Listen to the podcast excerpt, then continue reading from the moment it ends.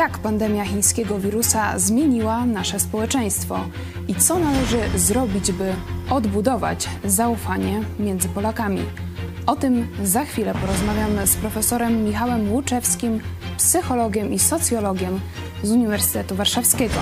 Kornelia Chojecka, zapraszam.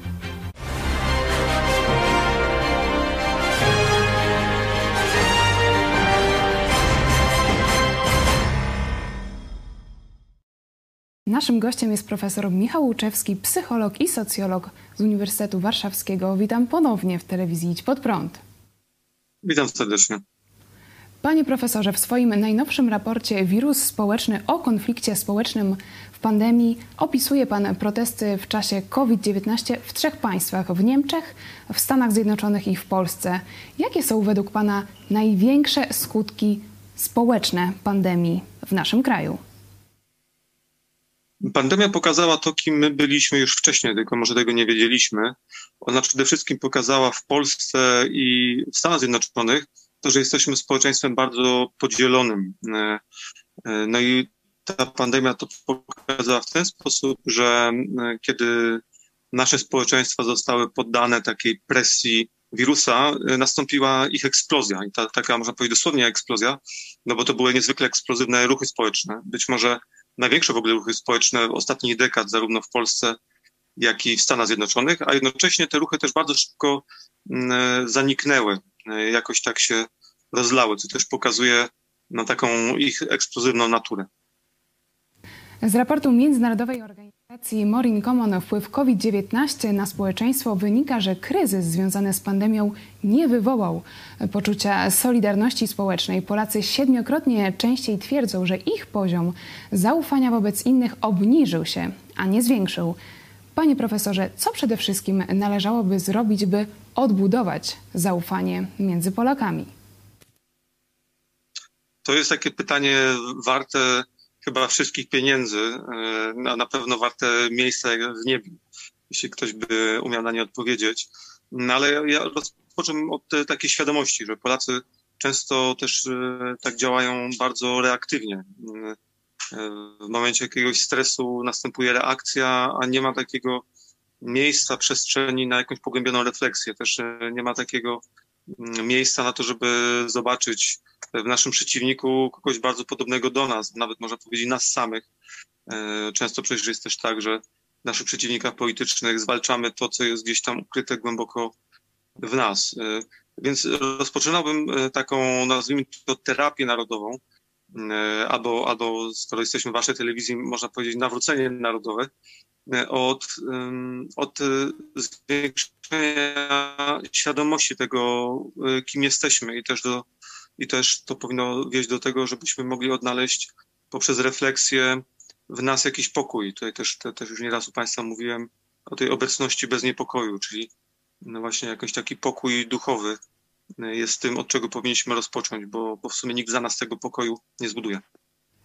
W swoim raporcie napisał Pan w obliczu osłabienia instytucji ekonomicznych i politycznych najważniejszy nie jest postęp gospodarczy czy społeczny, ale moralny i religijny. To jak konkretnie według Pana powinien wyglądać ten postęp Polaków w sferze moralności i w sferze religii już po pandemii?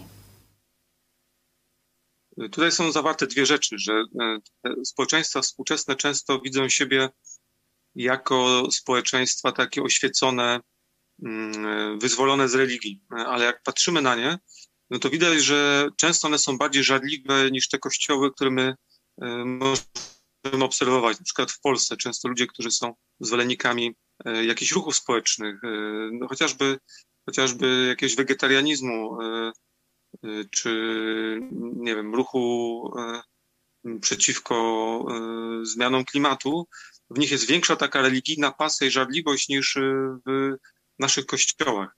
Więc z jednej strony jest taki postęp, można powiedzieć, e, religijny, ale niezauważony, bo ci ludzie, którzy są częścią tych nowych religii, nie, nie widzą siebie jako właśnie ludzi postępujących w takim religijnym kierunku. A z drugiej strony mam do czynienia e, z tym, że te takie społeczności tradycyjne, czy właśnie czy protestanckie, czy, czy katolickie, one się wycofują ze świata. I myślę, że dla mnie, dla mnie prawdziwy postęp to nie jest ten postęp właśnie idący ku eksplozywności społecznej, ku coraz większym przewrotom, ku pokazywaniu, że ja jestem lepszy niż, niż, niż inni, tylko właśnie do takiego wlania ducha w te tradycyjne wspólnoty. I oczywiście też tradycyjne wspólnoty mogą się dużo nauczyć od świata, e, no ale to, to w nich widzę e, taką przyszłość prawdziwego e, postępu, który, tak jak wiemy, on jest tylko właściwie powrotem, powrotem do, do źródeł naszej wiary. Bardzo dziękuję za ten przekaz w pigułce i mam nadzieję na kontynuację w telewizji Idź Pod Prąd. Był z nami profesor Michał Łuczewski. Do zobaczenia. Dziękuję bardzo. No tu politycy, czy w ogóle ludzie, którzy gdzieś tam no, występują, e, będąc wzorami dla społeczeństwa, powinni dać przykład. I tu rzeczywiście pandemia obnażyła bardzo słaby stan więzi społecznych i bardzo słaby stan zaufania Polaków do swojego rządu. Nie? I PiS to jeszcze, jak już wcześniej mówiłem, można powiedzieć, pogrzebało.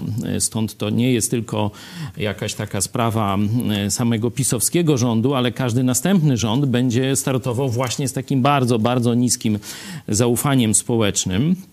I myślę, że to, co próbujemy robić w środowisku Idź Pod Prąd, tu na otwarciu zjazdu o tym mówiłem, no przecież z Andrzejem Turczynem no bardzo mocno się różnimy w tych sprawach e, covidowych, szczepionkowych i tak dalej, ale zobaczcie, że jakoś przetrwaliśmy e, ten czas i dalej o sobie mówimy z sympatią, w duchu przyjaźni i wzajemnego zaufania. Także przykład, y, który ludzie, którzy gdzieś tam no, dla jakiejś przynajmniej części społeczeństwa są reprezentatywni, czy czerpie społeczeństwo z nich wzór, y, on powinien iść z góry. A u nas jest y, taka no, naparzanka, czym więcej te ule się naparzają, no to tym większa oglądalność.